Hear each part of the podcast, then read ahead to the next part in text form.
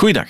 We gaan het vandaag hebben over Shakespeare met Vitalski. Dat is een uh, Shakespeare-kenner, laat ik maar zeggen. Het is ook een Sherlock Holmes en een Frankenstein en een Prince-kenner. Maar goed, daar gaan we het straks over hebben. En u leert vandaag hoe je to be or not to be moet uitspreken. Radio 1. Weet ik veel met Sven Spijbroek. Goedemiddag. Toen ik daarnet tegen Evert zei het is met Vitalski, dan keek hij een beetje verwonderd. Ik zei ja, dat is een kenner van Shakespeare. Zwaar hè, Vital? Ja, eigenlijk uh, van alle oude Engelse literatuur uh, ben ik een uh, heel groot specialist. Shakespeare, wat, wat, is nog? Sherlock Holmes hebben we wel eens over gehad. Prince, dat is niet echt oude Engelse literatuur. Nee, hè? maar nee. Frankenstein heb, heb ik Ah, ben voilà, Frankenstein bijvoorbeeld ook. Ja. Um, nu gaan we het dus over Shakespeare hebben en over to be or not to be. Evert vermoedde dat de zin van het leven daarin vervat zit. Zou dat kunnen?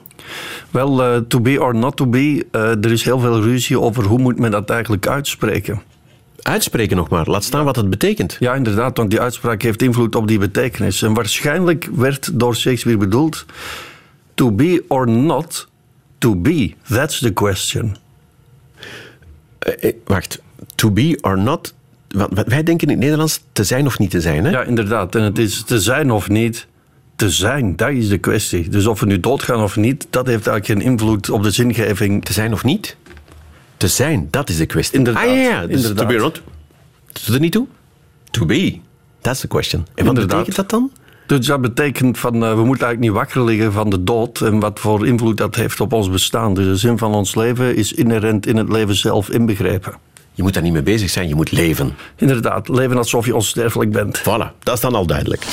Radio 1. Weet ik veel? Vitalski, we gaan het over Shakespeare hebben. Uh, beroemd, beroemd, beroemd toneelschrijver. 38 toneelstukken, 154 sonnetten ook en twee lange gedichten. Hij dateert van, van Shakespeare wanneer ongeveer? Wel, de man is geboren in 1564 en gestorven in 1616. Ja, eind 16e, begin 17e eeuw. Ja, en dat is misschien wel een mooi detail. Hij is geboren op een 23 april. Maar hij is ook gestorven op een 23 april. Oké. Okay. Dus die man die had echt gevoel voor orde. Voor timing. Voor timing. Ja, maar het simpele feit dat we hem vandaag nog kennen, dat hij nog gelezen wordt, gespeeld wordt vooral, dat is fenomenaal, hè? En dan te bedenken dat hij niet als schrijver van toneelstukken, zoals wij hem vandaag kennen, begonnen is, maar gewoon als acteur. Ja, inderdaad. Dus Shakespeare is een man, is eigenlijk een provincialist geboren in Stratford, dat wil on, on Avon, dus dat wil zeggen 150 kilometer onder Londen. Um, en hij had daar eigenlijk een benaamd boerenbestaan als uh, zoon van een burgemeester wel. En daar kwam een rondtrekkend toneelgezelschap in dat dorp langs, namelijk de Queen's Men.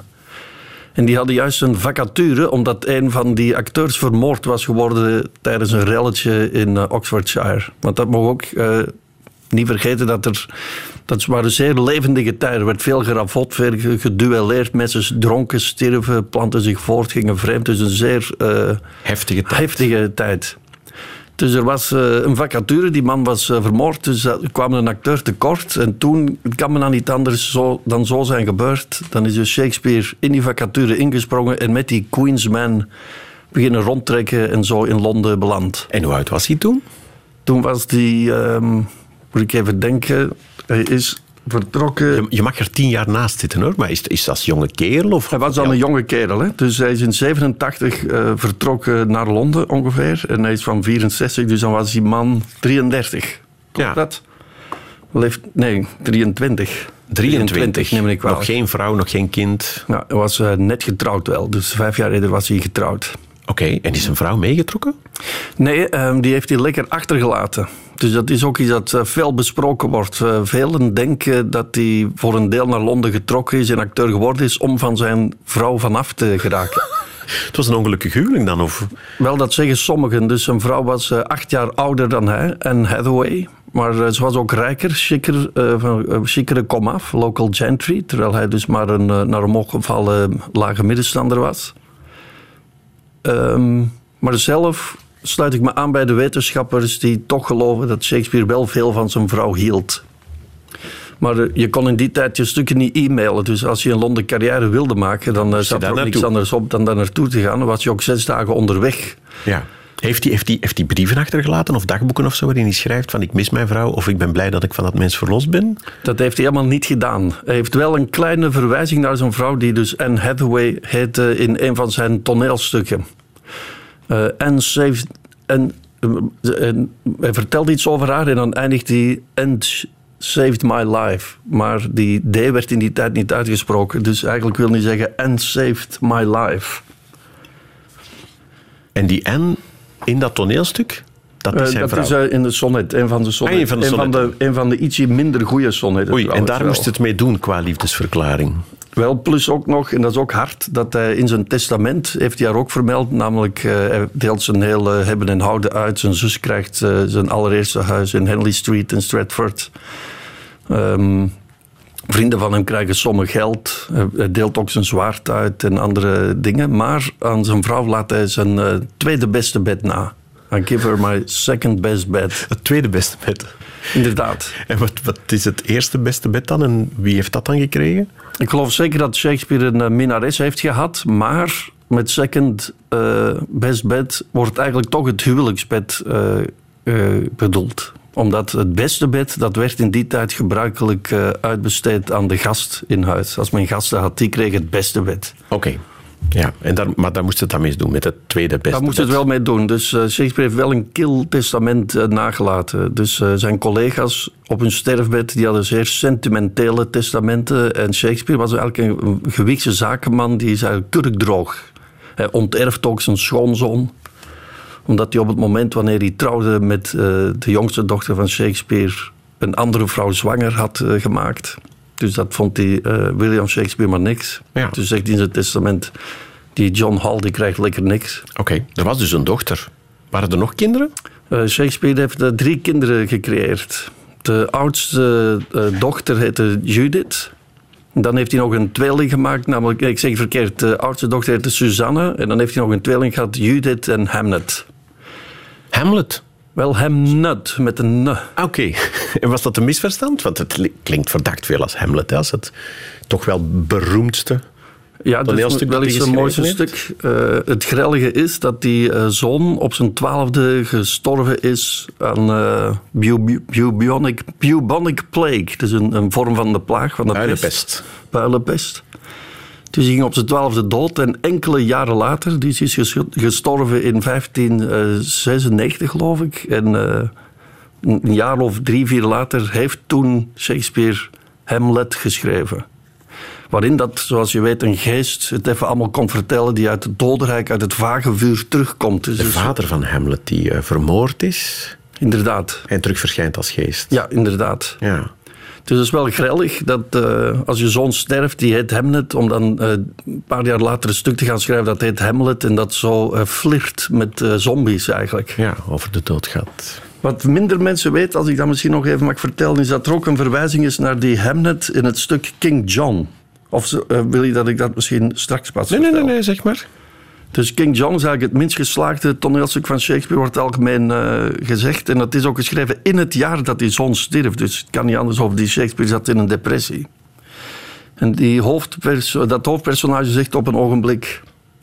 Verdriet vult de plaats van mijn afwezig kind. En verdriet ligt in zijn bed. En verdriet loopt heen en weer met mij. Droefenis doet mijn zoon zijn lachjes na en praat zijn woordjes na en vult met zijn vorm zijn lege kleren op. Ik heb genoeg redenen om van verdriet te houden, vaarwel. Als dat zo'n slechte stuk is, dat zijn wel mooie woorden, hè? Ja, hè? En, zo autobiografisch, hè? grijp naar de keel werkelijk. Radio 1. Weet ik veel? Ik zit hier met Vitalski en wij zijn het uh, liefdesleven van uh, Shakespeare aan het uitbenen. Daarnet over zijn huwelijksleven. Ik moest toch nog een roddel uh, bij jou checken, als Shakespeare-kenner. Hij zou biseksueel geweest zijn. Dat geloof ik ten zeerste. Ah ja, of ja. zijn onze affaires niet, hè? zeker niet na al die jaren. Maar wel, waar, waar, komt dat vandaan, dat verhaal?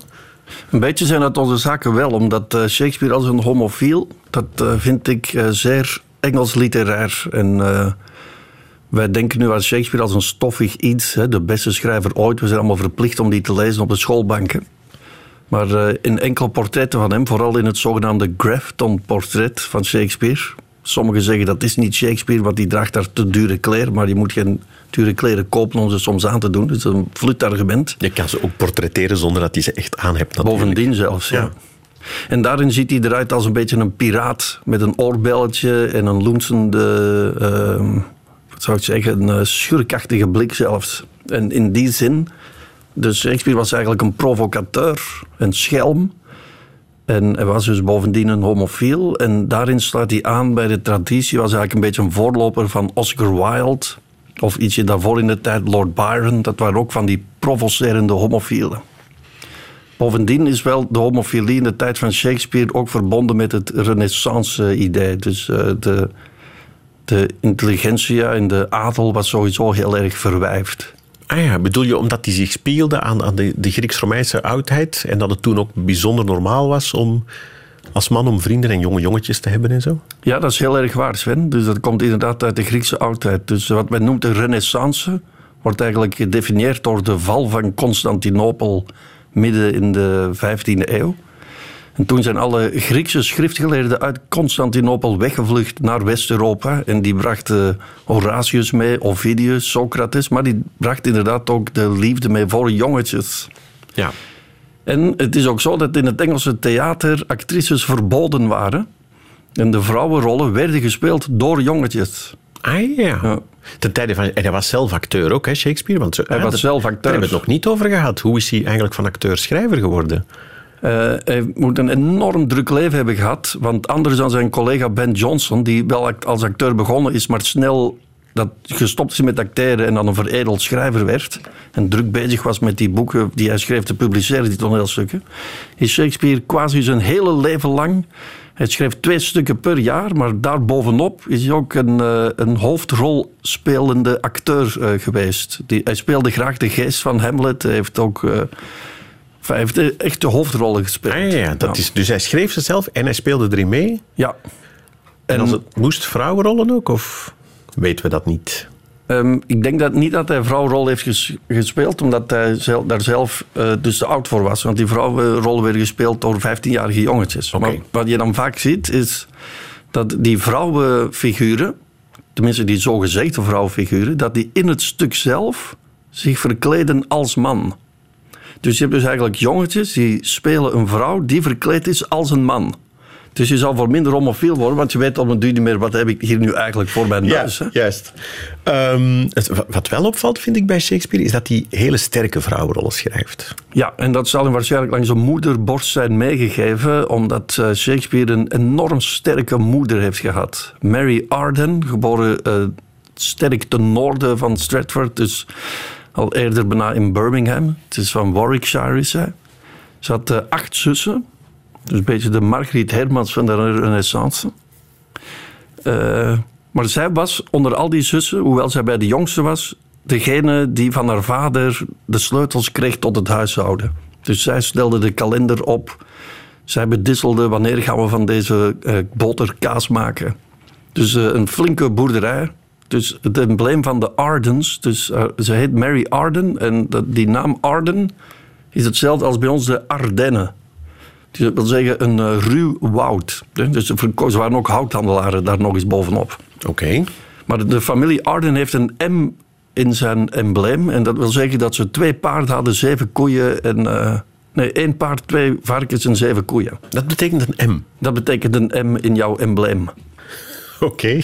En zijn er nog andere letters die andere dingen betekenen? Of? Eh, dat zou wel eens kunnen, maar daar heb ik geen eh, idee van. ja, enfin, maar dus, Maar dat dus wil in ieder geval zeggen... Moeder Shakespeare was, Ja, want dat een- is geen lachertje om zo'n veestapel even te Ja, ja. onderhouden. Dus je moet een heel ingewikkelde kalender volgen. Dus waarschijnlijk... Dat waarom vertel ik dit? Omdat dit wil zeggen dat zij wel zeker en vast kon lezen. Wat in die tijd ook ongelooflijk was. Ah ja, dus het moet echt een hele sterke vrouw geweest zijn. Ze heette Mary, dus was ook katholiek in een tijd waarin het katholicisme zwaar werd onderdrukt. En als katholieke vrouw heeft ze zeker Shakespeare katholieke legendes ingefluisterd. Of bijvoorbeeld Sint Joris en de Draak of de Roze Oorlogen van de Tudors. Dus eh, Shakespeare als verteller, William Shakespeare als verteller, dat is zeker iets dat langs zijn moeder is eh, tot bij ons gekomen. Ja. Is dat waar hij zijn mosterd gehaald heeft? Daar heeft hij zijn mosterd gehaald, bedoel ik. Ja. Ja. En daarom maakt hij ook, eh, creëert hij sterke vrouwenfiguren. Eh, sommigen zeggen Shakespeare is vrouwonvriendelijk. Hij heeft erg vrouwonvriendelijke passages geschreven. Bijvoorbeeld Hamlet, de zogenaamde nunnery scene, waarin hij tegen Ophelia zegt van eh, maak toch dat je in een bordeel zit, wat kom je hier doen? Dus dat zijn cassante dingen. Maar juist omdat hij die vrouw ook negatief durft afbeelden, maakt hij daar sterke wezens van. Je kan net zo, veel van zijn tijdgenoten, veel van Shakespeare's tijdgenoten beelden de vrouwen uit als een hele mooie bloem waar je niet mag aankomen. Het is een juweeltje dat in een kistje moet zitten. Dus dat zijn geen wezens van vlees en bloed. Terwijl die haat en die liefde die tegen elkaar oppotsen wanneer Shakespeare het over vrouwen heeft, maakt dat die vrouwen erg levendig zijn. Hè? Ja, ook als het over jaloezie gaat bijvoorbeeld. Ja, bijvoorbeeld zijn sonnetten, die, zijn eigenlijk, die staan bol van de jaloezie, van de jaloerse gedichten. Is dat omdat dat een jaloerse mens was? Of is dat gewoon iets, een geweldig goede motor van een toneelstuk, van een verhaal, als er iemand jaloers is? Eh, allebei waarschijnlijk. Hè? Misschien dat even kader, dus die sonnetten die eh, zijn opgedragen aan een jonge graaf, de Earl of Southampton, een zekere Henry Whitley. Dat was een man die moest van zijn voogd, Lord Cecil, dringend trouwen onderhand. Want er was een afspraak met zijn gestorven vader. Als hij niet voor zijn 25e getrouwd is, verliest hij zijn erfenis en krijgt hij jaarlijks zoveel pond boete. Maar die Henry Whitley die vond het zo leuk om rond te hangen dat hij zelfs met dat dreigement nog altijd niet trouwde. En dan heeft die Lord Cecil aan Shakespeare gevraagd: Zorg jij er nu eens voor dat die Henry, want dat is een goede maat van jou, dat hij toch wel trouwt. En schrijven ze een aantal sonnetten om Schrijf je sonnet om te zeggen. overtuigen? Inderdaad. En wat doet Shakespeare? Die zegt van, kijk, je moet trouwen, want... Hij zegt niet, want die vrouw... Want ze wou eigenlijk dat eh, die, die Henry zou trouwen met de dochter van eh, de Earl of Oxford. Maar Shakespeare bezingt die vrouw niet met wie hij moet trouwen. Shakespeare bezingt die jongen. De fair youth. Hij zegt van, jij bent zo mooi.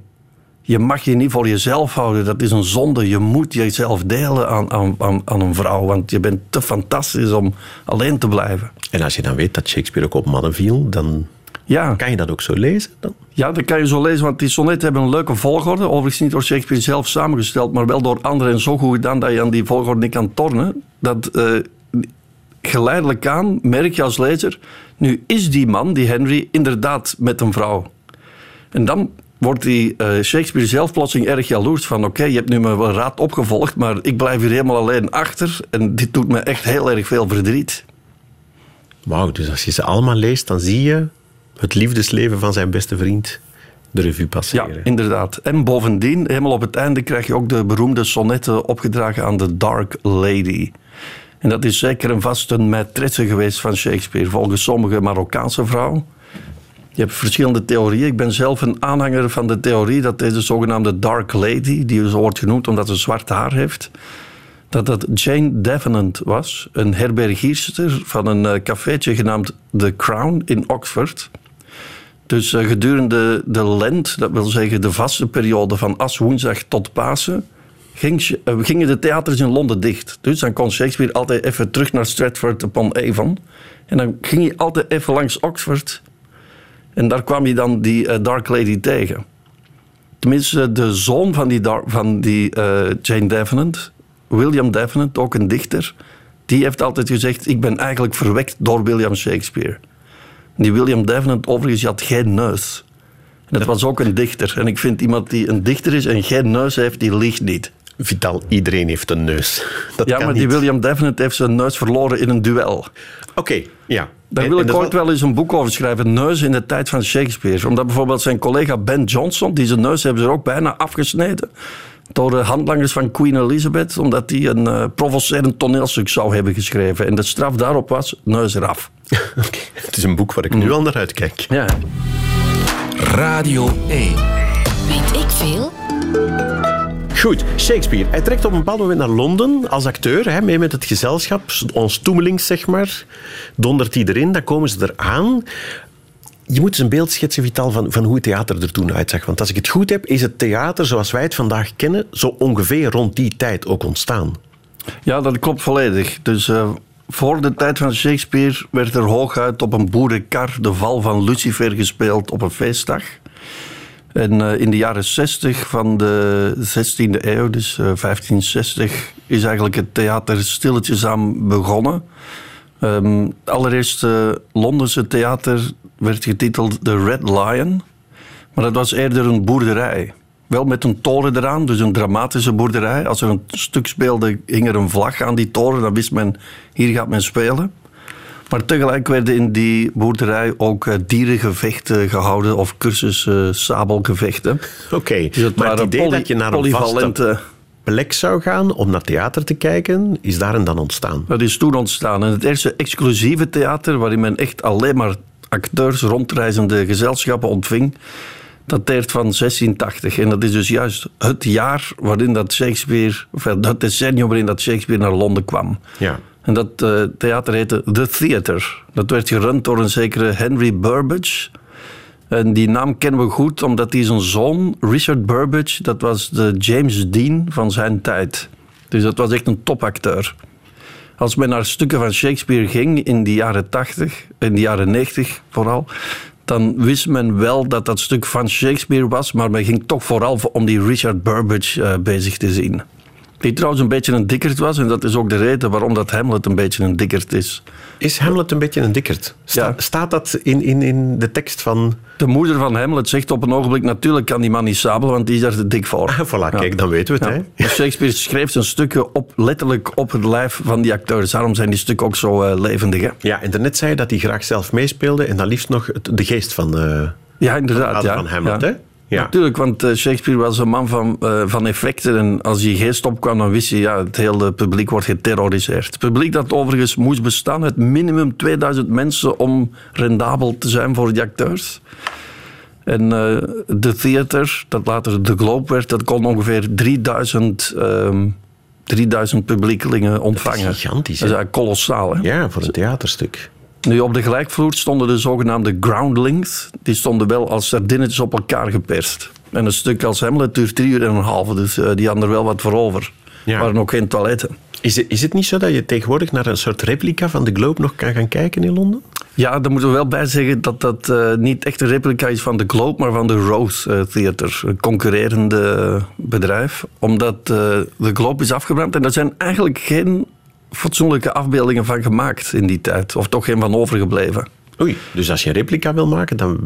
We hebben geen afbeeldingen, nog geen We plannen geen van hoe dat eruit zag. We hebben geen afbeeldingen van de Theater Annex de Globe. Dus wat, wat is er gebeurd? Die eh, theaters die mochten niet in Londen zelf staan. Omdat Londen sowieso werd geplaagd eh, door de ene tyfus-epidemie naar de andere. Dus hadden ze geen zin in rondtrekkende gezelschappen. Nee, en je wil ook geen 3000 man op elkaar gepakt. Inderdaad. Ja, want dat is miserie. voor, eh, Ja, dus die moesten naar buiten de stadswallen. Want in die tijd is Londen nog echt de middeleeuwse burg, hè, omwald hè, door van die dikke muren. En zij konden terecht in de Liberties. dus dat zijn eh, velden, weilanden ten oosten van eh, de Thames. Dat was het gebied van een bisschop. En die zei, oké, doe dat dan maar hier. Maar om, dat, eh, om die sfeer te scheppen, dat was dus eh, Shoreditch. Die naam zegt eigenlijk genoeg. Hè? De, zure greppel. Hoewel Shore eigenlijk de naam is van een minaret van, van Hendrik IV. Maar goed, het klinkt zure greppel. En dat was ook een zure greppel, dat gebied. Dus eh, daar, dat krioelde daar van de bordelen. Buskruidfabrieken die konden ontploffen ieder moment.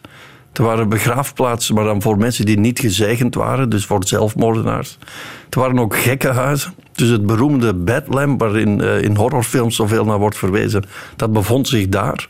Moet er ook heel erg gestonken hebben, want de leerlooiers zaten daar ook. En om hun leer soepel te houden, werd dat leer gedompeld in eh, tonnen vol met eh hondenstront.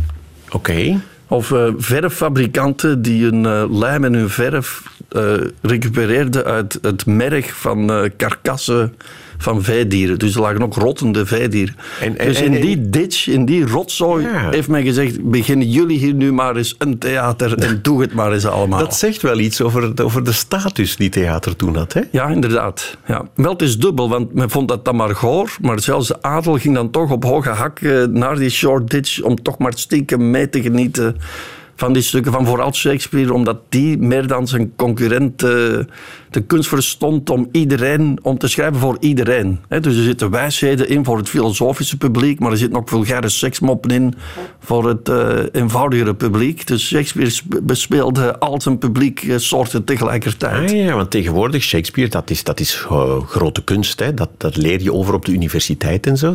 Ja, en dat maar dus- was het toen een soort spektakeltheater? Of hoe moet ik Het was, voorstellen? toen, het was toen pulp. Het was toen pulp, ma- maar dan wel intelligente pulp. Ja, Omdat de, de filosofen ook wel aan hun trekken kwamen. Maar toen Shakespeare zijn intrede deed in het Londense theatermilieu, heeft dat heel veel vrevel gewekt bij de meer geleerde toneelauteurs, de zogenaamde university wits, wits, die op dat moment met de plak zwaaiden. Dus de eerste verwijzing naar Shakespeare in Londen, dat is van, 1600, eh, van, van 1592. En daar is er een zekere Robert Greene. Dat is een echte university wit, een man met eh, universitaire bagage die toneel schrijft, nogal chic toneel schrijft. En die zegt van, wat is dat hier? Dus dat is de eerste verwijzing naar Shakespeare als toneelauteur. Wat is dat hier voor een naar omhoog gevallen babbelkous? Je denkt dat hij in vrije vers eh, bombastisch eh, zinnen op ons kan loslaten. Man die zich aan het tooien is met onze veders. Dus hem wordt eigenlijk vulgariteit eh, verweten. Wil dat dan zeggen dat hij toneel brengt in taal die de mensen begrijpen? Ja, absoluut. Ja. Wel ook soms in taal die mensen niet begrijpen. Dus ehm, Ben Jonson, tijdgenoot van eh, Shakespeare, eh, schrijft dat Shakespeare babbelziek was. Hij kon praat. Hij zegt, Shakespeare is een aimabele man, maar hij krijgt soms zo'n erge praatkiks dat je hem echt moet tegenhouden. En hij krijgt ook slappe lachaanvallen geregeld. Dus het doet een beetje denken aan Mozart. Hè. Dus Ah, oké, dat doet- bovenwereldse genie... Wat blieft? Ja, dat doet mij denken aan cannabis. Ja, wel, er zijn Veel ook theorieën die eh, zeggen dat... Slappe lach. er is een soort hashpijpje gevonden in een huis waar Shakespeare gewoond heeft in, bij Blackfriars. Dus er zijn theorieën die zeggen dat Shakespeare schreef onder invloed. Ik geloof het niet echt, maar wat wel zo is, is dat hij dus zo eh woorddronken was, dat hij ook gehele zinnen heeft geschreven die men nu na al die jaren nog altijd niet begrijpt. Ah, Oké, ik voel dat je er een gaat voorlezen. Ja, Vital begint in zijn papieren te, te, te roefelen. Nou, het zou kunnen... Ah, hier. Ja. Dat is eh, eh, een zinnetje uit. Ik weet niet wa- waaruit. Oh, paradox. Black is the badge of hell. The hue of dungeons and the school of night. Dus dat, dat is nu al is vijf dat? eeuwen lang, vier eeuwen lang, dat men eigenlijk zegt: wat wil, wat wil dit eigenlijk zeggen? Waarschijnlijk dat dat hij het zelf niet wist. Kan je dat bruutweg vertalen? Oh, paradox. En wat is het dan? Oh, paradox. Zwart is het embleem van de hel. De schrik van de hellepoelen en de school van de nacht. Het zet wel een sfeer, maar wat het precies betekent, is moeilijk te zeggen. Ja. Ik heb daarnet bij Evert verteld dat Shakespeare heel veel woorden heeft uitgevonden. Ja, dat klopt, hè? Ja. Gelukkig.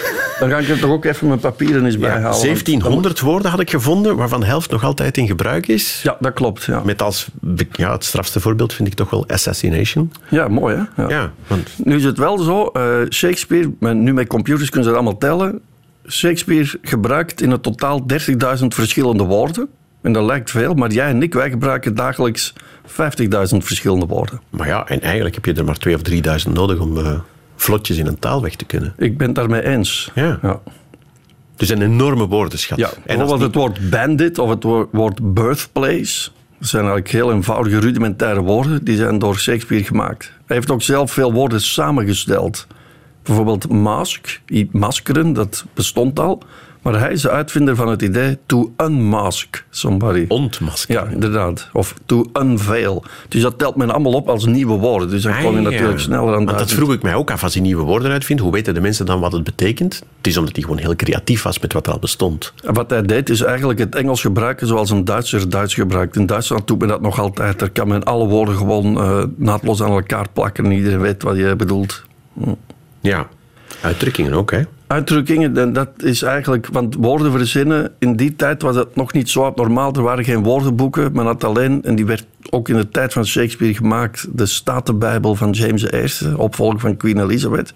Maar er was eigenlijk geen gestandaardiseerd vocabularium. Dus gewoon doordat hij op dat scharnier in de tijd zat, was het logisch dat die woorden creëert. Ja. Beetje zoals jongere taal vandaag, hè? Dat is ook niet afgesproken, dat evolueert voortdurend. Komen nieuwe woorden bij, nieuwe combinaties. En op een of andere manier weet iedereen wat het betekent. Ja, bijvoorbeeld boeien. Ik ken het eigenlijk niet, maar Ik, ik weet nog altijd niet wat het precies betekent. En wat eh, de kinderen van nu ook doen, is zo de. Ah ja. Ja, Ja, vreselijk, hè? ondraaglijk. Ach ja, kinderen. Oh, we zakken onder elkaar. Uitdrukkingen. Brave New World komt van Shakespeare. Ja, is dat uit, niet ongelooflijk? uit de Tempest. Ja, inderdaad. Dat het is toch ijs straf? breken. Ja? Tijd om het ijs te breken. Dat, de, de taming of the shrew. Getemde fakes. Eind goed, al goed. come what may. Of van de noodzaak een deugd maken, komt het uh, Two Gentlemen of Verona. En dat is natuurlijk het echte genie van Shakespeare, want dat zijn wijsheden, kunnen we niet meer zonder.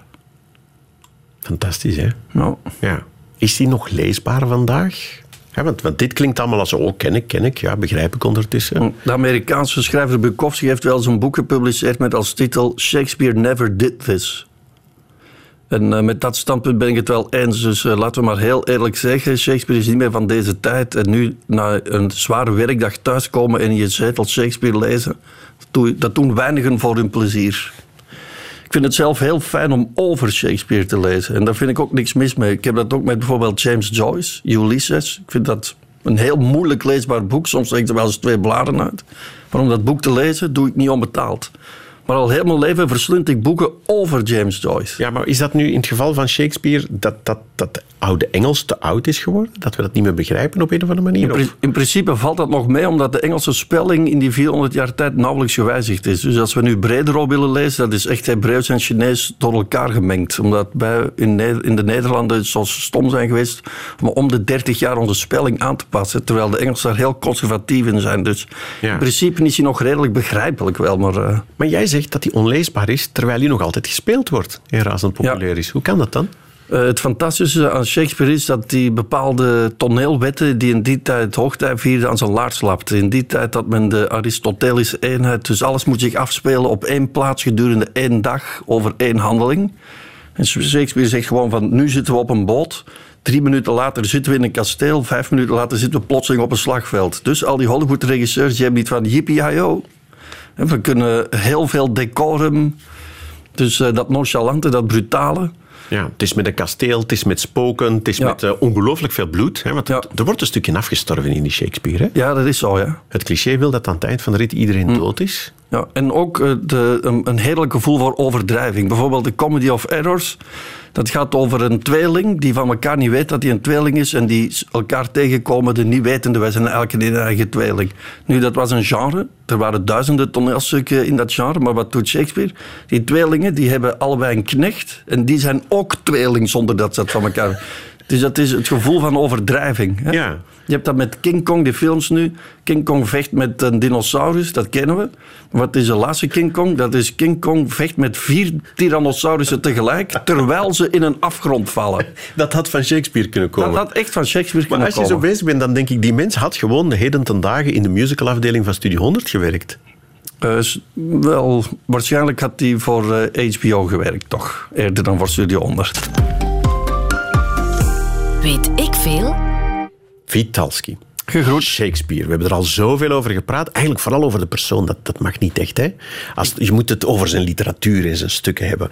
Als ik, uh, je zei er net al, het is onleesbaar geworden vandaag. Dus dat moeten we niet doen. Als ik moet gaan kijken naar een stuk, wat is het instapmodelletje? Wat, is dat Hamlet? Wel, of zou je mij iets anders aanraden?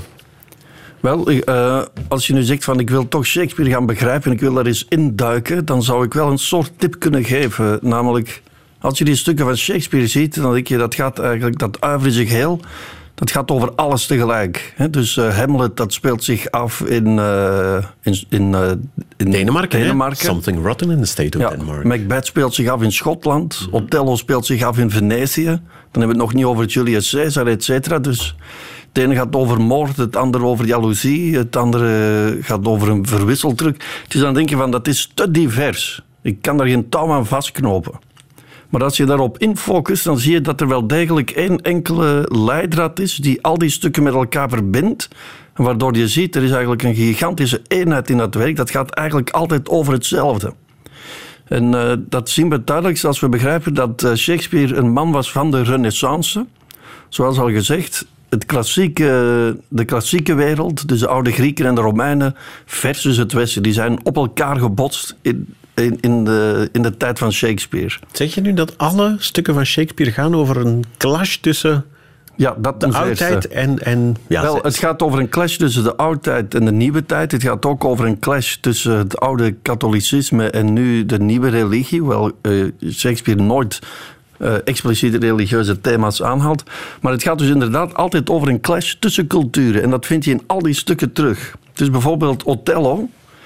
En dat zie je dus zelfs in de geografie van die stukken. Dus Othello, die zit in Venetië, maar die gaat vechten in Cyprus tegen de Ottomanen.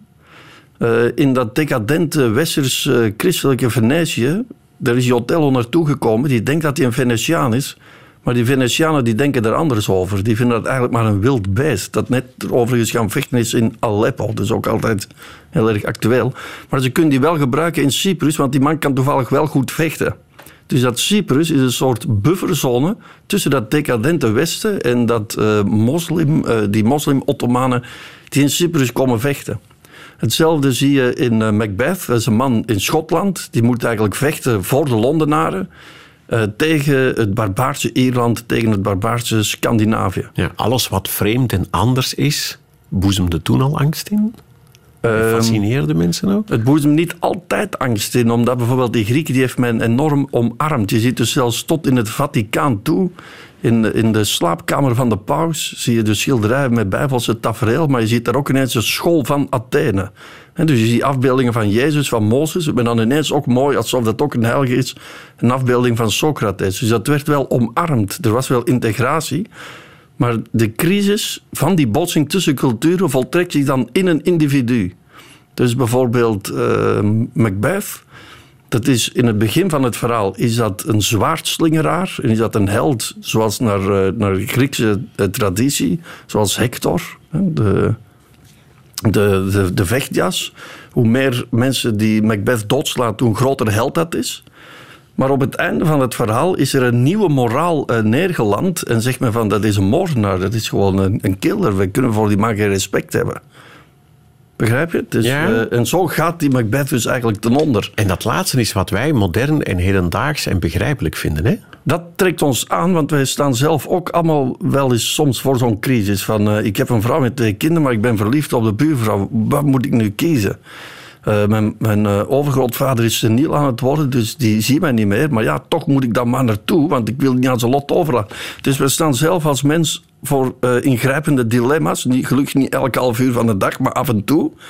En we zoeken advies en dat vinden we. Wel, we vinden geen advies, maar we vinden troost. We vinden een spiegel in dat 400 jaar oude werk van die enorm mensenkennende Shakespeare. Dat is wel straf, hè? Dat die menselijke emoties, enfin, die zijn dus duidelijk van alle tijden. Hij heeft ze kunnen van de verwoorden. 16e eeuw ja. tot nu.